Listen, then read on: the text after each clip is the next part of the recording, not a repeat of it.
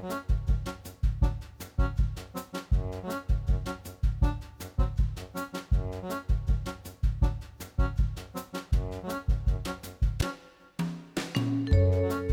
og sæl og velkomin í mannlega þáttin. Í dag er þriðju dagur og það er fjörði april. Og 1897 var heið Íslenska Prentarafélag stopnað og það er elsta starfandi verkalýsfélag á Íslandi og er nú hluti af félagi bókagerðamanna. Já, á þessum degi árið 1956 var Alþýðubandalagi stopnað Og bítlarnir áttu smáskífur í öllum fimm efstu sætum bandaríska billboardlistans á þessum degi 1964. Mósfellskirkja í Mósfellsdal var víð á þessum degi árið 1965. Og 1970 rúbrukskerðin í Reykjavík stór skemmtist í eldi en húsi var gert upp að nýjum og hýsir nú veislusali ríkisins. Já, og yfir í efni þáttarins í dag. Eh, gerfi greind er ekki nýja af nálinni, við höfum séð í kvikmyndum og vísindaskálskap þar sem að gerfi greindin snýst gegn mannkininu, tölfur og vélmenni verða miklu greindari en mannfólkið og taka bara völdin í heiminum.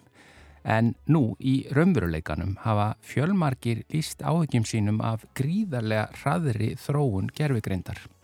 Allt í einu er hægt að nýta hana í nánast hvað sem er. Hún getur skrifa bækur, ljóð, rítgerðir, bladagreinar og miklu fleira og, uh, og um hvað sem er og nánast í hvaða stíl sem er. Hún getur búið til raunverulega myndir og myndbönd uh, af hverjum sem er að gera hvað sem er.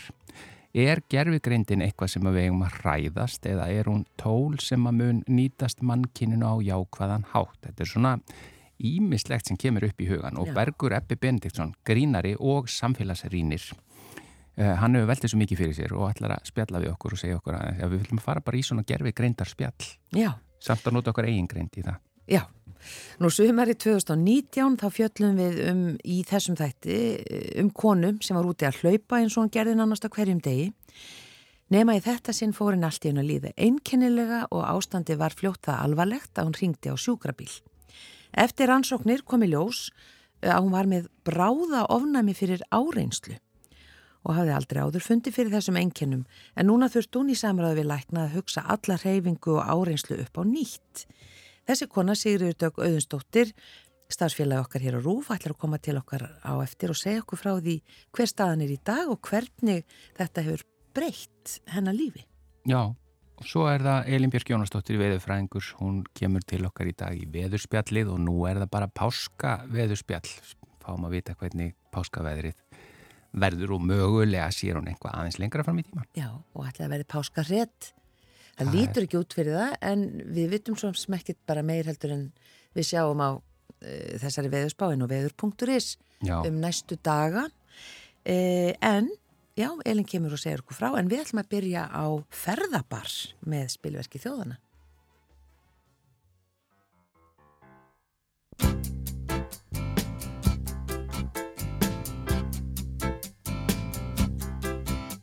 Ég hangi heima og læt mig draumum ferðabar Drossíu og far með smirli hús á hjólum í vastalshólum mæna jörð. En samt er það nú svo að þó ég fjark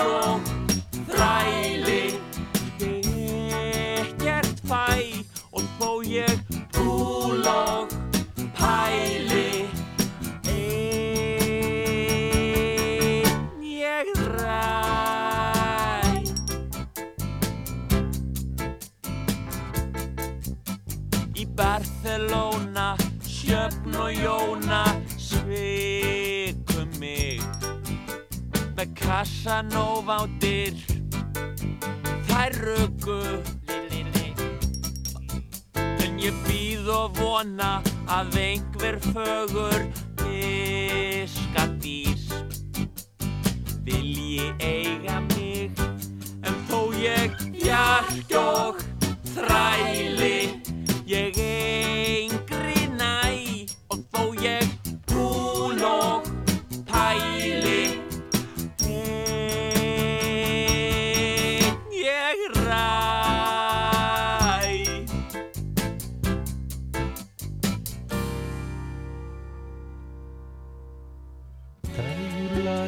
tekstarnir þeir fjalla gjarnanum hver auðvelt er að ná sér í konu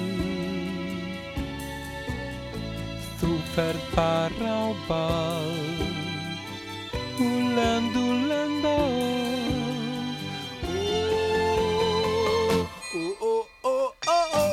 á Spáni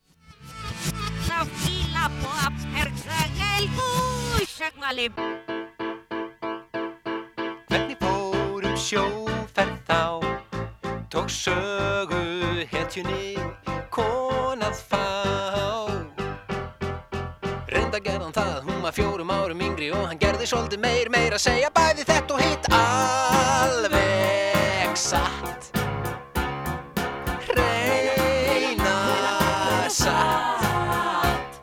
Setna færðist þeim eitt státir fordreika sveit Viltu vita meir? Jú, þú leiðu í blokk, fengu grafík og potta í brúðargjöf. Og unnu eins og brjálus fyrir vikslunum Þau fengu varla sofið fyrir gjaldögum Það borgar sig að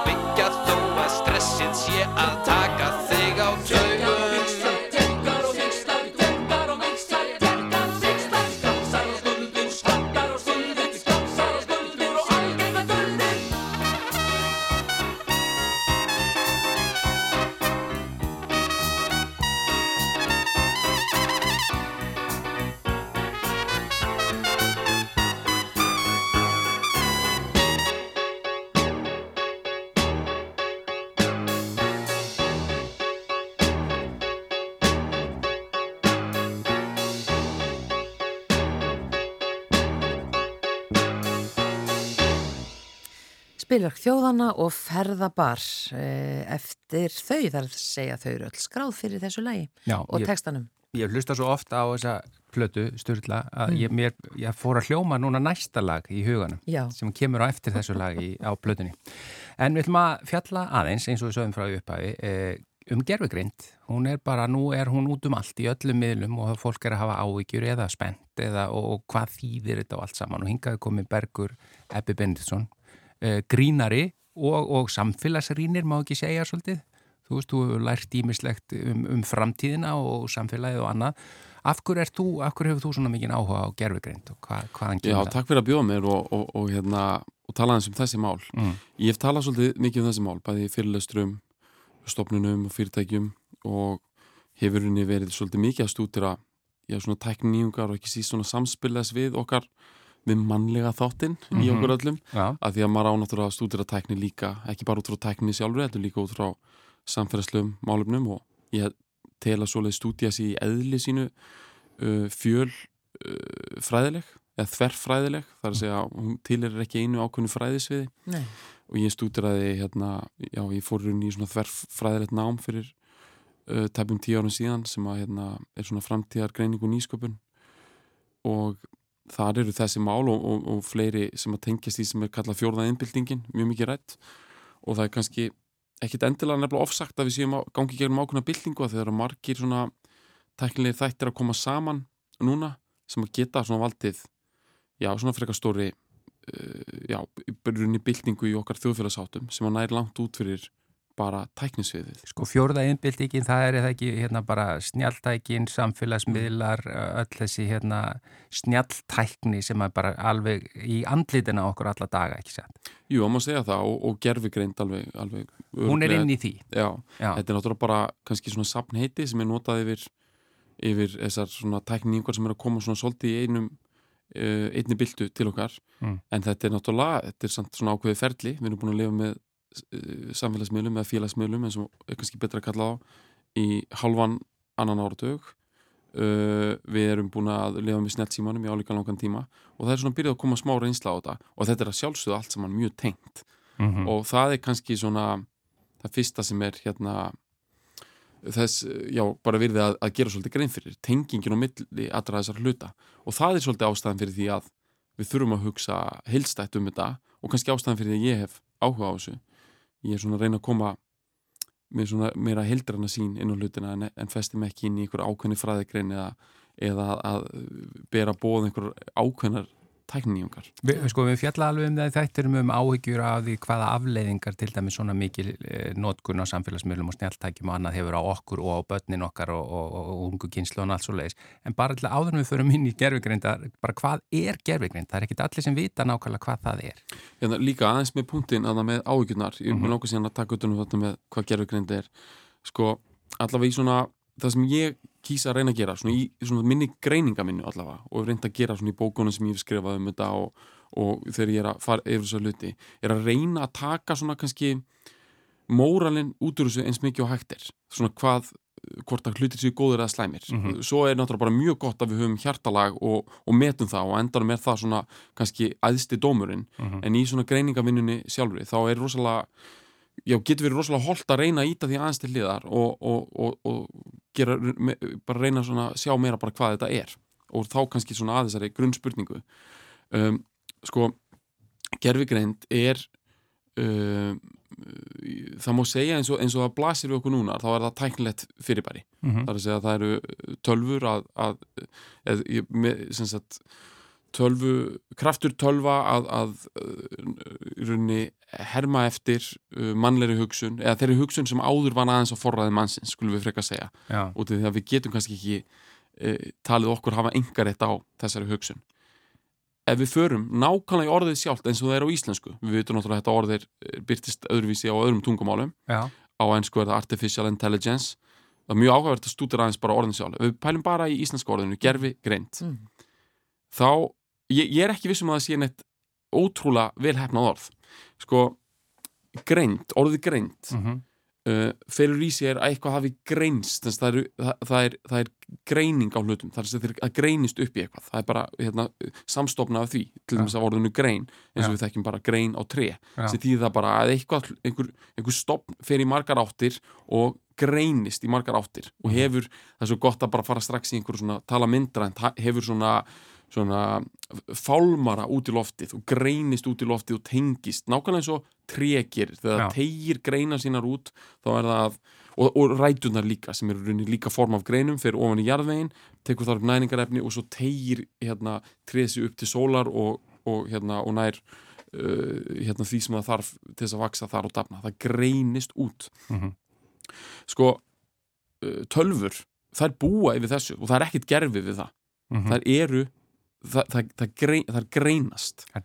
Það tengjast, og alveg frá 1969 þegar það byrjaði að tengja tölvu saman og í rauninni forverið það sem við köllum lengi vel internet en er í rauninni orðið svona hálf úrelt huttak í dag þá er það það er í rauninni grunnurinn að uh, því sem við köllum í dag svona snjallvæðing þar sé að hlutir séu snjallir þau getur tengst öðrum, hafi nema hafi þessa fálmara til þess að tengjast einhverju öðru. Já þannig að því leiti má segja að eitthvað sem við getum kallað gerfugreind sem búin að vera bara í stöður í þróun, alveg óhá því hvort það sé verið að þróa nákvæmlega einhverja gerfugreinda lausninni sem við þekkjum í dag í rúm 50 ár.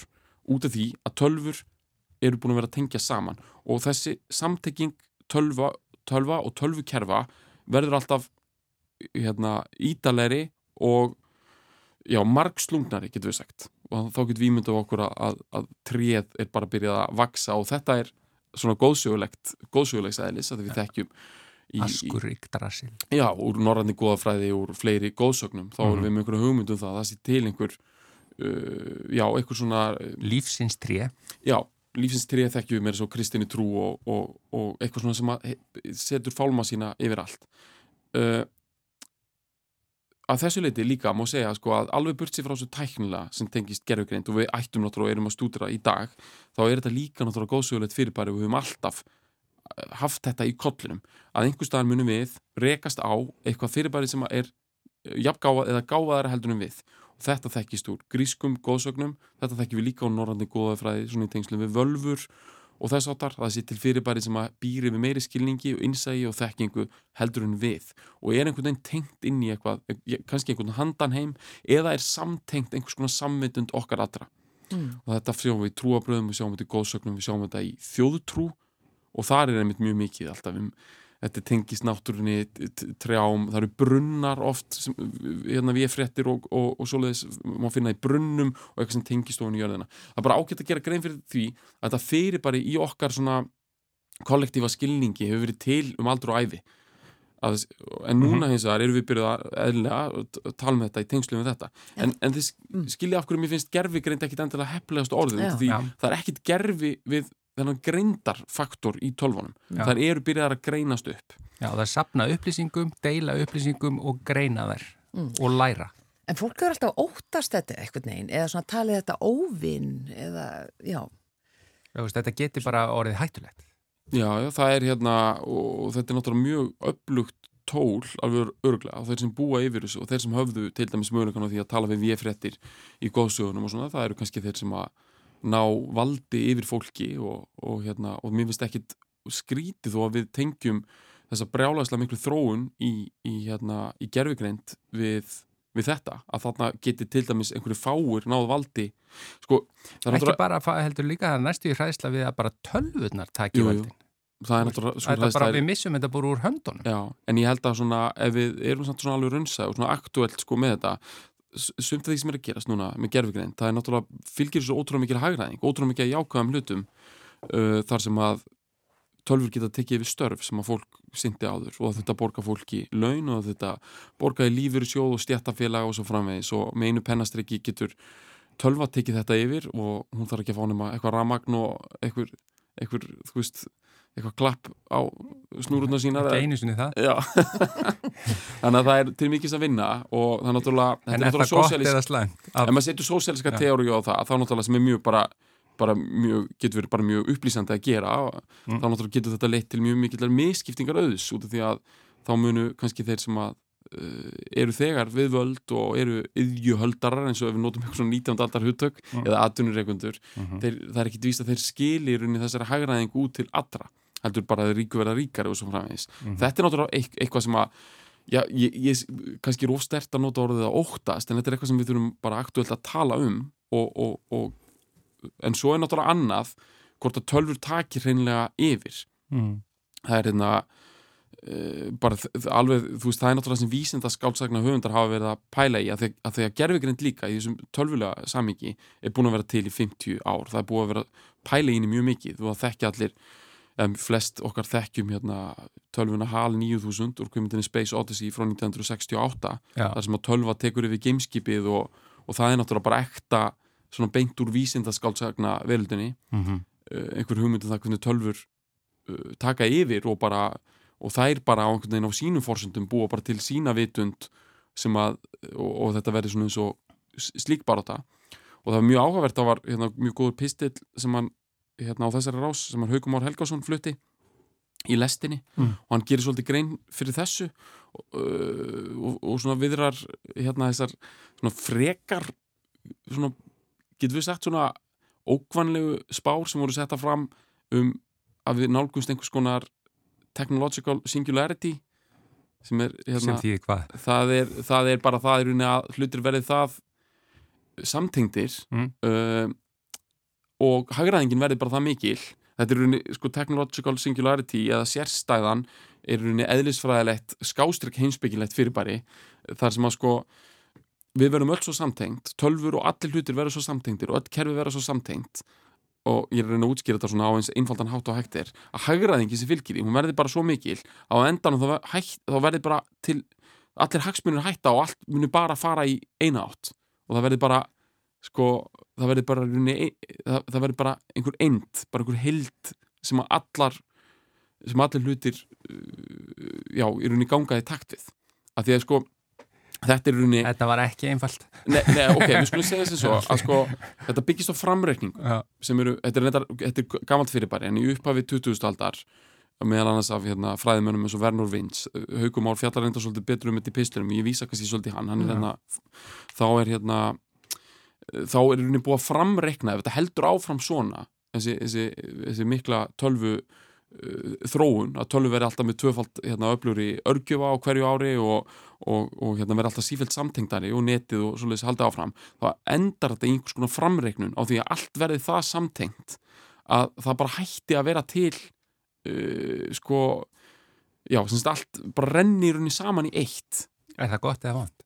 Þannig er maður komin út fyrir eitthvað sem ég myndi segja að sé algjörlega svona eitthvað handan góðs og ills allavega fyrir einhvern svona til þess að leggja mat á í, í, í, í þessum skilningi. En mér finnst það náttúrulega svolítið mér finnst það svolítið mér finnst það svolítið ókvanlegt og mér finnst að við byrja að sjá kannski ákveðna þætti í þessu í samfélagsmiðlum þar sem að við lokum okkur öll inn og við hérna, það, og við fylgjum minstrum eða trendum veist, þetta er bara kalla beinilist trend Já. og við erum svolítið gjörn á því að fara í hóphegðun Mm.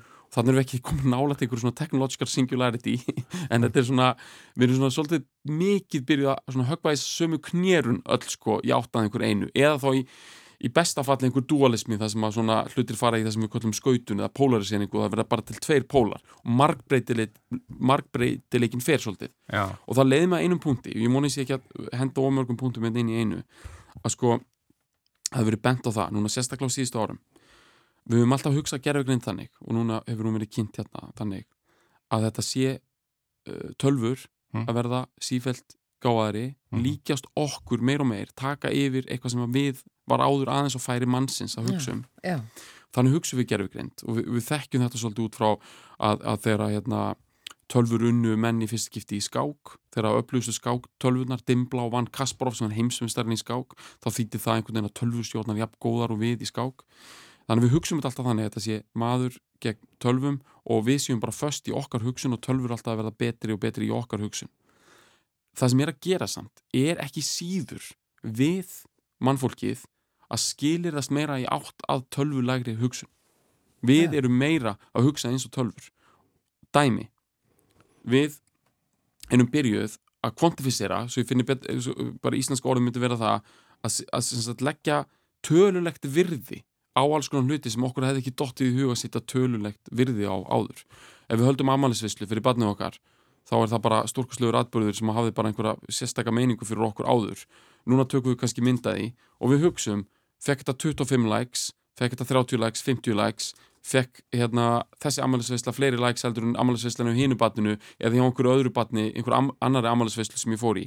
Bursið frá öllu sem að því fylgir að, að hérna, ekki gyrnast hús nágrannarðins og náungaðins og allt þetta skilur sem er einhver gömul gildi um það að við höfum ekki að vera að bera okkur saman. Mm. bara það við sem að mæla þetta í fjölda, að þessi bara komin tala. Mhm. það er ótrúlega tölvulæg hugsun hjá já, okkur. já, þá erum við byrjað að hugsa svolítið mikið eins og tölfur og ef maður hugsa um þetta ef maður sprengir upp hugtaki í gerfugreind af því þú veist, ég get komið hundra dæmi líka um það hvernig það er í rauninni líka margrætt hugtak og, og sjálfu sér galla það bara negla það að það sé eitthvað eitt ákveð og við sprengjum það þessu og hugsum er gerfugreind kannski ekki síður við að byrja að hugsa eins og tölfur þú veist, og við erum við komið gerfi, gerfi hugsanir til þess að þóknast og passa inn í þetta mótel sem að tölvurnar eru búin að leggja fyrir okkur á grundvelli félagsmiðlana. Við lögðum fyrir Áhugavert. þig eiginlega vonlaust hlutverk að að koma hinga og reyna að skýra þetta út á korteri því að korteri búið Já, núna og við erum hérna En við verðum eiginlega að fá hann í framhaldsspjall Já, það, það, við þurfum aðeins að fara sko að því að það eru því Við, við erum ekki búin við, við erum bæði spennt og með áhyggjur og annað og við vitum ekki hvert þetta leiðir okkur að lara. og mér nokkur að skjóta inn, hérna, ég vona þetta sé nefnilega ekki farið og frætt hérna yfir, af því að það er engin greiði gerð með því að því að mér langaði svo að gera grein fyrir akkur ég hef áhuga á þessu, sko núna er tíminn fyrir líka allt hugsandi fólk og bara allt fólk að hugsa um þetta. Og það á enginn að hugsa neða það er einhver aðri sérfræðingar sem er að pæla í þessu. Og þetta Post-Giant AI Experiments þetta opna bref sem var undirritað af helstu sérfræðingum heims það sem hefur verið að byggja rauninni teknirisana um að hæ- hægja aðeins þess á, á, það er líka svolítið ákallum það út við við þurfum aðeins að anda og núna þurfum við og þá segi ég bara við, við öll. Já. fólk sama hvaðan það kemur ekki bara fólk úr háskóla samfélagi eða fólk svona sem vinnur við að hugsa eða skrifa einhverjar pælingar, þetta er bara við öll þurfum aðeins að gera okkur grein fyrir og hugsa hvað okkur finnst um þetta. Þannig að hérna, ég, ég vil svona já, hugmyndin hér í svona spjalli er ekki að koma og dempa einhverju svona sérfræði bulli út, heldur að reyna að tala um þetta á, á mannlegum nótum hérna í mannlega þættinum hjá ykkur og hvetja aðra til þess að hugsa um þetta svolítið þannig. Já. En þú verður að koma í framhaldsspjall Já, við þurfum að fá því aftur bara. Við þurfum að aðeins að klára þetta Já, en þetta er augljóst sko, þetta er bara eins og með loslasmálin, við þurfum öll að pæli í því hvort sem að, hérna, að því þetta er að koma, þetta er, að, þetta er á leiðinni til okkar alveg sem að hvað okkur finnst um það. Já, akkurat Þannig að við þurfum að, já, að koma okkur upp og fræðast um það og, og komast aðeins að því hvað okkur sjálfum finnst. En Bergur Eppi Benditsson, takk fyrir komin í mannlega þáttinn og, og við komumst ekki lengra með gerðugreind í þetta sinn. Takk fyrir mig.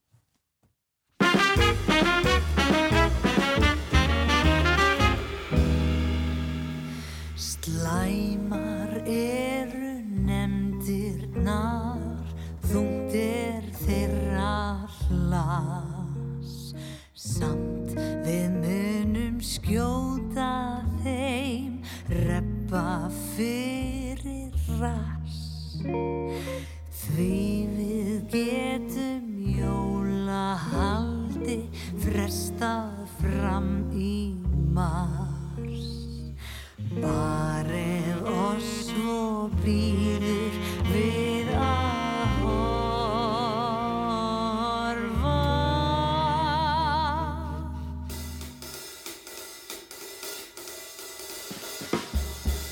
Mér er sem ég heyri bresti og brak. Undan krafti. Er þú þar niður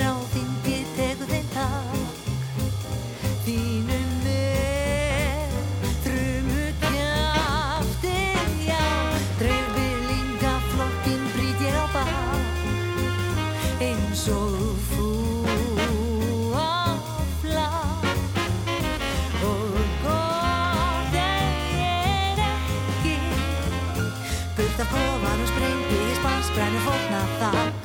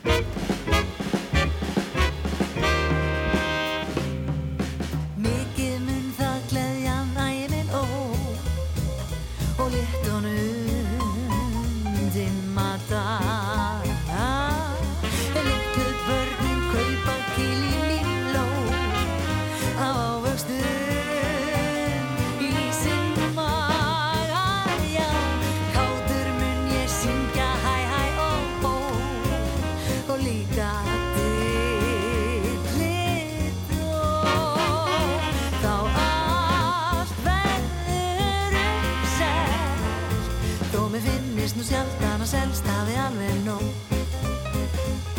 Þó mér finnist nú sjaldan að selst hafi alveg nóg. Þó mér finnist nú sjaldan að selst hafi alveg nóg.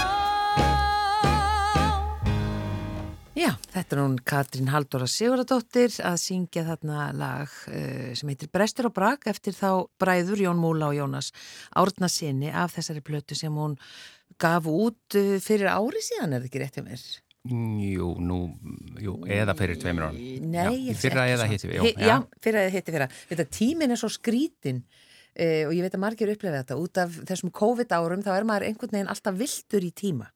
Talandi um það, tíminn líður sko, að uh, sumari 2019 þá fjöllum við einmitt um konu sem við nefndum ekkit nafni þá sko, uh, sem var út að hlaupa, hljópa hverjum degi uh, og svo bara allt í nú fór eitthvað að gerast sem að hafði talsvægt alvarlegar afleðingar og bara kynnum hana beint í söguna hérna. En Þetta við Sigríður- tölum við lækni. Já, við tölum við læknin hennar og, og til að gera langarsögu stutta þar að, að það segist að hún greindist með bráða ofnæmi við á áreinslu og hún er hinga komin núna. Sigriður Dögg Auðunstóttir, velkomin til okkar starfsfélagi okkar hér. Heyrðu, ég er nefnilega að því að sko, ég hitti þið bara frammi þarna fyrir þremur árum eða fjórum árum eða hvað það var og, og þá var þetta nýbúið að gerast. Þú varst alltaf að hlaupa alltaf, og svo bara færðu svona sterk bráða ofnæmi Mhm. fyrir áreinslu. En mitt var að hleypa heim úr vinnunni eh, eitthvað fallegt sömurkvöld hérna í, í lókjúli 2019 þegar ég fæ svona, eitthvað svona ofbáslega mikinn kláða undir illjarnar en læta ekki stoppa mig og held áfram að hlaupa og, og svo fer mér að líða eitthvað undarlega og, og hérna finnst ég að vera hún eitthvað bólkin í framann og, og ákvað nú að stoppa þegar ég komin svona einhverja 7 km átti 7 eftir eða eitthvað. Og finn þá bara ég er eitthvað skrítin hausnum, skrítin maganum og tunga farin að bólna og bara leið eitthvað undarlega sko. Og hérna ringi manni minn og beða hann um að sækja mig það var eitthvað upp í Grafói á leiðinni upp í Mósulsbæ og það, ég er náttúrulega bara er svo mikil keppni sem hann ekki að eðli mín og hann vissi strax að það væri eitthvað eitthvað í gangi fyrst að ég væri ekki að klára að hlaupa heim. Og hérna hrættur um að ég sé bara frá hjarta á falli eitthvað að hann drífa sér að staga en en ég fatta allt í hennu bara þegar ég var búin að skella á hann ég vers, versna svo sko hratt að hérna hvað þið gæti mögulega verið og hérna grunar að ég gæti bara verið að fá eitthvað bráða ánæmiskast og ég sagði bara ég er ekkert að fara að taka átun á því að, að hérna lendi einhverju bara losti í bílnum hjá honum. Á leiðinni nýra á spítala þannig ég ringi bara í sjúkravíl Þú, þú fann svona, þetta var svona sterk. Já, já, já. Og bara svona einskott ég gerði það vegna þess að sjúkrabílinn kom á undan honum og þá er ég bara orðin bara mjög illa haldinn og komin í það sem kallast svona ofnæmislost sem er bara svona bara mjög alvarlegt ofnæmiskast eins og bara fólk sem er með skelfisk ofnæmi sem fær skelfisk. Ég haf aldrei lent í neinu áður og hérna ekki verið með ofnæmi fyrir nokkrum sköpum hlut og er hann að keirið upp á bráðmótöku er þar að, þú veist, í, í vöktunni og gjörgjastlega yfir, yfir, yfir nótt og fæ alls konar lif og bara komin bara mjög langt inn í þetta ónæmislost sem er bara mjög alvarlegt þegar að mörg lífarakerfi eru farin að, þú veist, bara sína alvarleg enginni og ég hef náttúrulega ekki hugmynd um hvað það gæti verið og, og lýsi því sem að ég hef verið að gera og, og læknarinn sem tekkar mótið mér segir strax bara já þetta er, með, þetta hljómar eins og uh, bráða ánami fyrir árenslu eða líkamsrækt og ég hef bara hlæja, ég held að hann segja grínast aldrei Hafður um einhvern tíman heyrt? Nei. Og ekki við heldur, Nei. hefum ekki um heldur. En hérna, svo kemur það bara ljós þegar ég fer í alls konar próf og ofnæmis próf og ég er ekki með ofnæmi fyrir neinu þannig að þetta er bara niðurstaðan. Og ég er bara sett á okkur ofnæmislif sem ég tek daglega og til í fyrirbyggjandi skinni og en svona alveg tvo mánuð eftir gæti ég ekkert gert, mátti ekkert hreyfa mig vegna þess að bara þröskuldun er svo lár eftir svona mikið ofnæmiskast að, að maður þarf einhvern veginn að fá að jafna sig alveg Þannig er það bara, þetta er bara lífshættulegt. Já, þetta er þannig að fólk hefur dágur svo sko. Já, bara á, á við, það er að segja, ónæmi fyrir Já. áreynslu er bara lífshættulegt. Mm Og það sko mesta áfalli á mér var að bara tveim vikum setna ætlaði ég að vera eitthvað staðar í, í óbyðum að hlaupa jökulsárhlaupið og um, veit alveg að ég hefði ekkert stoppa þá ég hefði fundið fyrir óþægindum, ég hefði bara skrifað það á að ég væri vundu dagsformi eða, eða uh, væri að reyna of mikið á mig eða bara hefði bara haldið áfram og þá veit ég ekkert hvernig þetta hefði farið. Sjúkrabílinn hefði ekki komið svona fljótt Nei, þangað. nei. Þannig að það að- hefði bara farið illa og það var eiginlega svolítið svona stóra áfalli sko. Já, En um, og líka bara sorgin yfir því að mig aldrei kannski reyfa mig aftur og að því ég hef alltaf tíð reyft mig mikið og bara haft mikla ánægi af því. Þetta er svona bara áhugamáli mitt. Hlaupa, synda, hjóla, þú veist, göngu skíði, Mm. göngutferðir. Ég reyndar ekkert verið mikið á, fjöllum sem betur fer vegna þess að það var kannski bara svo endingu það sem eina sem ég þarf að uh, geta ekki gert. Þannig að árið eftir, veist, ég fór- svona kannski eftir 2-3 mánuði að svona reyja mig í samræði við lækni minn svona rólega og finna út úr því hvað ég mætti gera og hvað ekki. Komst svona í, í samband við hópa fólki útlöndum vegna þess að ég held að ég veit bara um tvo Íslandi sem eru greind með þetta Mm. ég og, og, og maður sem að ég hef talað við og það var bara einhvern veginn svona líka svolítið áfall að- komast í sambandi fólk uh, sem að svona er á því stígi að vera allt frá því að fá kast þegar það fer út í labbar út í búð eða út með hundin sinn yfir í það að geta hlaupið marathón já. þannig að þú veist, óvissan svo mikil og ekki takt að testa þetta og þannig að ég þurfti bara einhvern veginn að finna út úr þessu sjálf. Með alltaf þessi ónæmis lifi fyrirbyggjandi skinni Þe- Þegar við sögðum frá þessi í þættinum Mhm. 2019, Mhm. þá vissuru ekki betur en að mögulega þyrturu bara að hætta alveg Já, að reyfa þig. Og það, ég sá það alveg á þér þá hvað það já, var ekki það sem að þér hefði dreymt um sko. nei og veginn það er alveg smá drama sko veginn ég stutt eftir þetta gerist var ég að var náttúrulega búin að skráða mig í Reykjavík og ætlaði að færa það en var að horfa á svon minn keppa í staðin og var bara veginn svona bara bara, bara meir sem ég varst bara, bara fylltist sorg yfir því að þetta væri bara frá mér tekið Mm.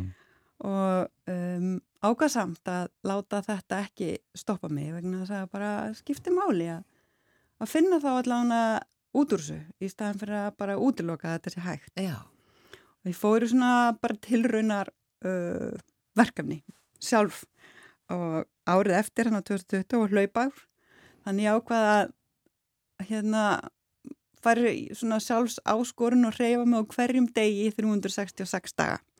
Minnstakosti hálftíma á dag Mm. og ég myndi bara svona halda svona skráður það hvernig það gengi. Og þetta er það að vera svona kardió, svona áreynsla ekki bara liftingar eða út að labba eða jóka, heldur bara svona ég myndi bara geta kortlat hvað ég þóli hvað ég þóli ekki. Og, og ég gerði þetta var fór, en sem sagt ger, tók 366 æfingar á þessu ári, þessu hlaupári og held að sé að besta sem ég hef gert uh, vegna þess að ég er bara svo mikið ökla ei, eða eiramanniska að ég alltaf hugsa um hreyfingu sem sko ef ég byrja í sjósundu þá er það markmiðið að fara syndi Bara ermasund, sko. En varst ekki trætt? Já, nákvæmlega. Jú, sko, fyrst fór ég aldrei ein og bara í marga mánuði fór ég ekki ein og alltaf með síma og penna, þú veist, ég geng með epipenna og ónæmislif.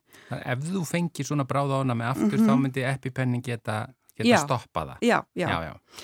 og hérna komst að því að uh, ég er með bara svona einhverja svona eins og kallast triggera. Uh, það er kuldi og það er hlaup. Mm. Kveikjur. Kveikjur, já. Um, ég þóli illa áreinslu í kulda Mm. og hlaupin eru það einu sko uh, skiptin sem ég hef fengið enginni. Þannig að um, ég get hjólað, ég get hlaupið í hita, ég get gert í rauninu hvað sem er og nema hlaupið í kulda. Þannig að það var náttúrulega bara svo mikil segur fyrir maður átta mig á því. Ég var út á Spáni stóran hluta af árinu 2020 og fekk aldrei enginni þar. Já. En um leið og ég kem heim og byrja að hlaupa hér, þá fæ ég enginni í þessum aðstæðum. Og uh, sem betur fer þá er þetta ónæmi þannig að ef maður veit af því þá getur maður bröðustið bæði með því að taka ónæmislif til viðbótar þegar maður finnur enginnin og hætta reyfingunni, stoppa bara. Mm. Já. Og ég hef þurft að gera það í hlaupum og þú veist, maður fær, ég fær bara svona blöðurur um allan líkamann, svona vassfylltar rauðar blöðurur og flekki og svona bólna upp og svona líður undarlega og, og það hefur alveg gerst nokkrum sinnum en aldrei það alvarlega að ég þurft að nota epipennan. Mm. En uh, annarkort þar ég að flytja til heitara landa til að geta stundar hlaup Mhm. sem er reyndar alveg ágætis afsökun eða ég gerir bara eitthvað annað og ég gerir bara eitthvað annað og ég fer bara En göngutúr er allt í lagi? Já, göngutúr er alltaf lægi og, og kannski svona létt laup á, á sumrin og þú veist, bara ekki í frosti.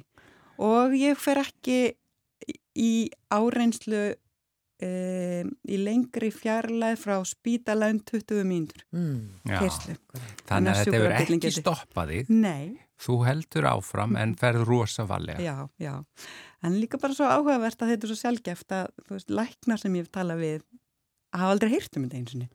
Ekki eins og læknar, þannig að fólk yfirleitt fyrir að hlæja þegar ég segi þetta heldur, heldur ég sé að grínast. Það hljóma líka eins og afsökun.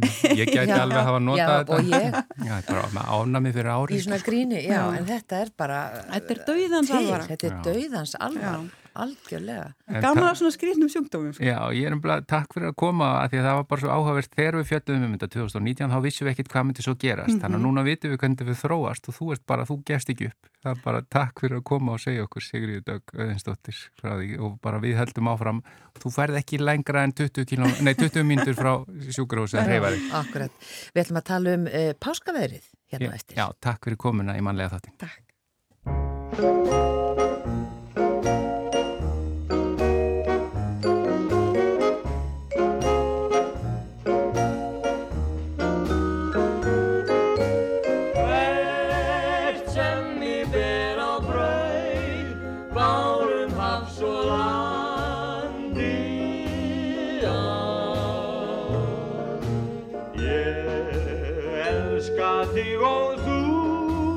Hello.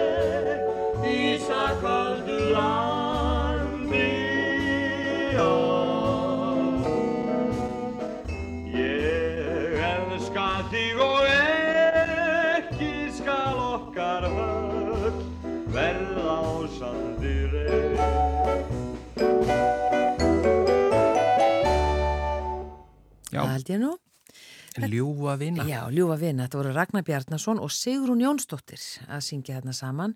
Ég man að Raggi sagði mig frá því að þau hefðu sungið þetta í pínu, pínu litlum uh, upptöku klefa Mm. uh, á skúlagötunni. Eða allavega hérna á ríkis, eða í ríkisútvarpinu á sínu tíma þegar þetta var hljóðritað þannig að þau voru inn í svo litla klefa á meðan hljónsveitin lék. Þannig var þetta tekið upp. En lagið eftir Jón Sigursson, Ólaf Gauk og Indrið G. Þorstinsson samt í textan. Já, og við, að því að við, þetta var svo stort umræðefni áðan um gerfigrind með Berg Ebba og hann eiginlega svona var bara rétt komin að stað. Við ætlum bara að fá hann aftur strax eftir páska, þriðudaginn. Ég bara barði henni Þú í borðið. barði bara barðs ákveðin, já. Já, að því að við, hérna, að því að við vorum rétt að komast á staðin þar sem þetta var enn meira spennandi, sko. Já, og við áttum eftir að tala um einmitt vinnuna, hvaða Já. áhrif hefur þetta á vinnuna? Og þessar áhyggjur sem fólk hefur að því mitt hvort að sé að missa vinnuna eða Mm. hvort að við séum að missa völdin í upplýsinga óreiðu og Akkurat. annað slíkt. Eh, en yfir í samt veðurspjall því að hingaðu komin Elin Björk Jónasdóttir. Velkomin. Komin. Takk fyrir. Við getum nú tekið líka hérna gerfigrind og veður. Já, ég, ég hef einmitt uh, uh, hérna, heyrt að, að sko, einhver sagði, já, er þetta ekki bara frábært fyrir veð, veðurfréttir? Mm. Það er bara verið að segja okkur einhverjar upplýsingar sem að, Já, sko það er verið að nota gerfigrind til þess að reyna að bæta allskynnsmódel og upplýsingar og svoleiðis. Þannig að Já. það er alveg, hérna, alveg orðið heilt fag bara. út af fyrir sig. Er það? Já. Já. Og, svona til góðs eða eru dökkar, dökkar viðar á þessu? ég er ekki alveg viss, sko, það sem ég hef séð hefur nú svona verið bara tilraunir, sko, það er bara verið að aðtuga, gerir þetta eitthvað, hjálpar þetta eitthvað. Já. Eh, Það er ekki endilega alltaf þannig að sko svona auki tölvu, afleiða aukin gerfigreind, sko, hjálpi vegna þess að við erum svo tímaháð að því oft tekur þetta svo mikið tíma. Þú veist, ef þú ætlar að láta gerfigreind gera eitthvað við veðspá, þá er hún kannski ekki búin að rekna þetta út eða gera eitthvað fyrir hennar bara veðrið er liðið. Já, já, Þau veit, sko, að því að, að því að þú veist, það þarf fyrst að klára öll gögn, en ég hugsa nú að það séu kannski byrjunar örðuleikar. já. Við sjáum til. En, en ég meina það er ekki bara, það er ekki því að við ekki ágjur að að, að veðurfræðingar verði óþarfir eða eitthvað slíkt. Það er sko búið að vera spáð því í svona 35 ára, veðurfræðingar verði mjög fljóðlega óþarfir, en það kemur alltaf eitthvað upp, sko. Já. Okkur leggst alltaf eitthvað til. Já, þarf ekki einhverja svona, uh, já, svona Sko, eitthvað það- svona ekstra til þess að sjá hlutin út eða, Jú, það sem að við höfum, sko, eða það sem mér hefur alltaf þátt ljóst er að, sko, það þarf alltaf einhvern að tólka. Mm Af því að, sko, það sem að vellur út úr þessum módelum, út úr þessari gerfigreind, sko, það er kannski fyrir einhverja fag, ég vil segja svona idiota, þú veist, að, að skilja og, og skoða og, og, hérna, og, og fatta hvernig á að vin- vinna með, en það kannski ekki fyrir almenning sem vill bara vita einmitt regnir á eftir eða, eða hvernig er páskaveðrið, sko. Komum sem mannamál. Já, þannig að það er alltaf það sem að, það sem að hérna, situr eftir og, uh, og er það sem að þetta okkar vinna sem spáðiðfrængar hefur verið að þróast í síðustu 10-20 ár hefur miklu meira verið að taka saman allar upplýsingar og koma þeim á skiljanlegt mál eða, eða uh, draga úr þeim það sem að þykir sko nöðsynlegt og mikilvægt og setja fram sem viðvaranir eða eitthvað slíkt af því það getur þetta allir þessi gögnir allir opinn, það er ekki lengur þannig að þú komist ekki veður gögn sko. Já, já, já. Þannig ég hef nú ekki sérstakar ágjur að þessu allavega í byli. nei. En akkurat, en þetta er samt mjög mjög. umræðefni að þetta gerist, þessi þróun er ansi hröð. Já, og það sem ég hefði kannski helst áhyggjur að væri einhverju svona fals sko veðufréttir eða fals viðvaranir eða eitthvað slíkt sko. Að það færi kannski flug og væri nógu sannfærandi til þess að það er einhver upplýsingóriða. Eh, Nú er oft, ég meina, bara aðeins það, eða því að það tala svo mikið um falsfréttir og, og tilbúna Mhm. fréttir og sem að hafa sett alls konar hluti í stjórnmálum og kostningum í alvar hliðina, hafa verið falskar veðufréttir eða fals veðufréttir. Sko ekki svo ég viti svona í svipin en auðvitað var þannig hefur verið í stríði að sko veðfréttir eru, eru þá trúnaðmál eða veður upplýsingar eru, eru trúnaðmál og bara hérna í setni heimstyrjöldinni þá var hægt að útvarpa veðurfréttum í, í ríkisútvarpinu. Já, e, og þannig að það hefur sko verið hérna mál og uh, en, en eitt af því sem, að, sem hefur gerst bara með svona engavæðingu og opna aðgengja upplýsingum er að það poppa upp sko mjög mikið af enga aðilum til dæmis í Evrópu sem er að gefa út veðspár og viðvaranir sem sagt í raun og veru í, í samkeppni við sko ríkisveðustofunar Mhm. og þá fer að koma sko spurningin um bara hver ber ábyrð á til dæmis viðvörunum, hver ber ábyrð á því einhver lætur lífið það því að viðvaranir eru ekki réttar eða misvísandi eða eitthvað slíkt. Og alþjóða viðmálastofnunin WMO hefur sem sagt hérna eða Vafumó hefur sem sagt hérna tekið þetta til sín eh, og er þetta sniðmátt sem við erum að nota fyrir okkar viðvaranir um, sem er svona alþjóðlegt er, hérna rafrænt sniðmátt sem heitir Common Alerting Protocol. Um, það er sagt eh, hérna, umsjónin með því allir sem hann er hjá alþjóða viðmálastofnuninni og þar er bara einn sko rítstjóri í hverju landi sem er yfirvilt veðstofustjóri í hverju landi. Þannig að að það er svona gæðastimpill á viðvörununum sem að á að í raun og veru ganga sko lengra heldur en svona það sem enga aðlar er að gera. Þannig að það er alltaf eitthvað sem hefur þurft að hugsa svolítið úti sko. Já, en nú Já. er það stóra spurningin. Páskahelgin Páskahelgin, framundan. já. Já, páskavikan bara. Páskavikan, já. Hver, hvernig lítur þetta allt saman út veðufarslega? Sko við höfum nú oft séð að verra. Já, já. Já, já. Þetta var Eh, nú ekki alveg samt jákvæð. Nei, sko ég hef pínu ágjur af skíðafólkinu nefnilega. Mm. Af því að sem sagt, það er svona hvað ég var að segja, svona róli heita veður núna í dag og morgun, það er svona er að draga úr vindi og úrkomu hérna suðaustan til í dag og, og hérna sunnan til, svo kólnar aðeins og, og, og dregur úr vindi og verður svona kannski einhver smá jél eða slittu jél á morgun sérstaklega kannski fyrir norðan en, en öruglega bara skúrir hérna sunnan til. Og fínt veður á fimmtudaginn líka alveg sko Eh, en um kvöldið, á 50. kvöld að þá, sem sagt skýrtast kvöld að þá er vaksandi bara söðaustanátt með, með rigningu og alveg talsverð rigning hérna sunnan og söðaustan til og jafnvel svona norður með austfjörðum þá aðeins eftir að koma í ljós hvar, hvar lægðin lendir um, og þetta þýðir bara hlýjindi í sunnanáttum eins og norðanveru landinu þannig að það, það er mm, sko Bara nýju tólstega hiti og Já. fyrir norðan. Já, sem er ekki kannski það sem skýða yfgandur voru að óska eftir. Nei. Og Svo- talsvert mikið af blöytum. Já, og, og þetta er allt saman sko þannig að, að frostmarksæðin er bara í þúsund metrum eða eitthvað, þannig að þetta er ekki, þú þarf bara að fara upp á jökla til þess að finna einhvern ís eða snjó sko. Já. Síðan er bara hæglætisveður til þess að gera á lögadaginn, ekkert svona, þú veist, ekkert svona eitthvað alveg frábært en, en áframhaldandi bara sunnanátt og, og smá væta og dregur úr vætunni. Og svo kemur næsta lagið í raun og veru á sunnudaginn og hún er eiginlega nákvæmlega eins og svo á föstudaginn. Mm. Þannig að við erum að tala um sko, þetta eru svona vor, þetta er vorveður sko, hlýjaloftið er að koma og hrekja allan kuldan í burtu og taka upp snjó og, og, og það er að leysa frost úr jörðu og svona. Um, þannig að almennt það myndum við bara ekki hafa neinar ágjörð af þessu veðri en að því ég veit bara að fólk einmitt er svolítið að reyna Mm. stundaskiði eða fara í hérna ferðir, sko langagönguferðir eða, eitthvað slíkt og þetta er nú kannski ekki alveg frábært veður til þess. Nei.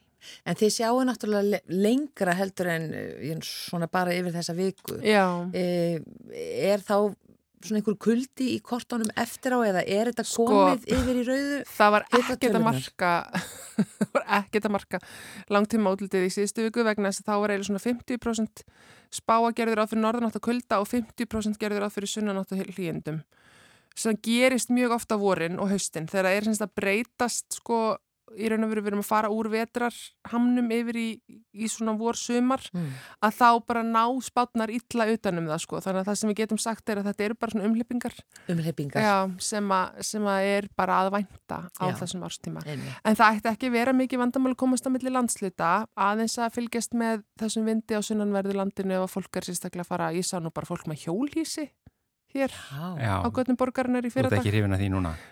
Já, bara fólk þarf að passa sig. Þannig Passa að sig. við erum kannski komin í þann tíma að fólk er að fara eitthvað með hjólísin. Ég myndi ekki fara til dæmis suðuströndina í sunnan 20 með hjólísi.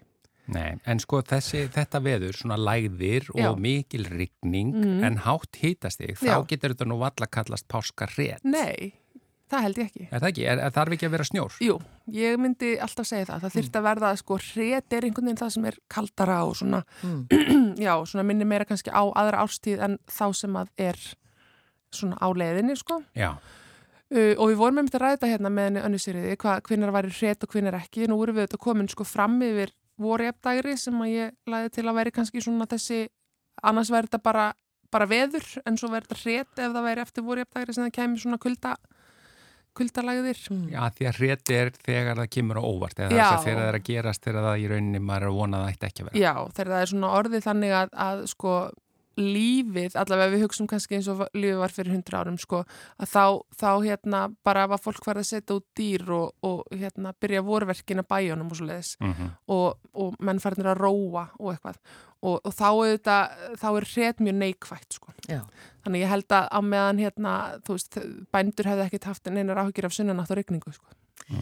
Takk fyrir þetta, Elin Björk Já. og uh, veður, veður fræðingur og við bara uh, segjum bara gleðilega páska. Takk sem leiðis, gleðilega páska. Ekki páskarrétt en ekki heldur sérstætt fyrir skíðafólk. Nei, Nei. en hlýjindi. Já, en takk einlega fyrir samfylgdin í dag. Við verðum hér á sama tíma morgun. Verði sæl.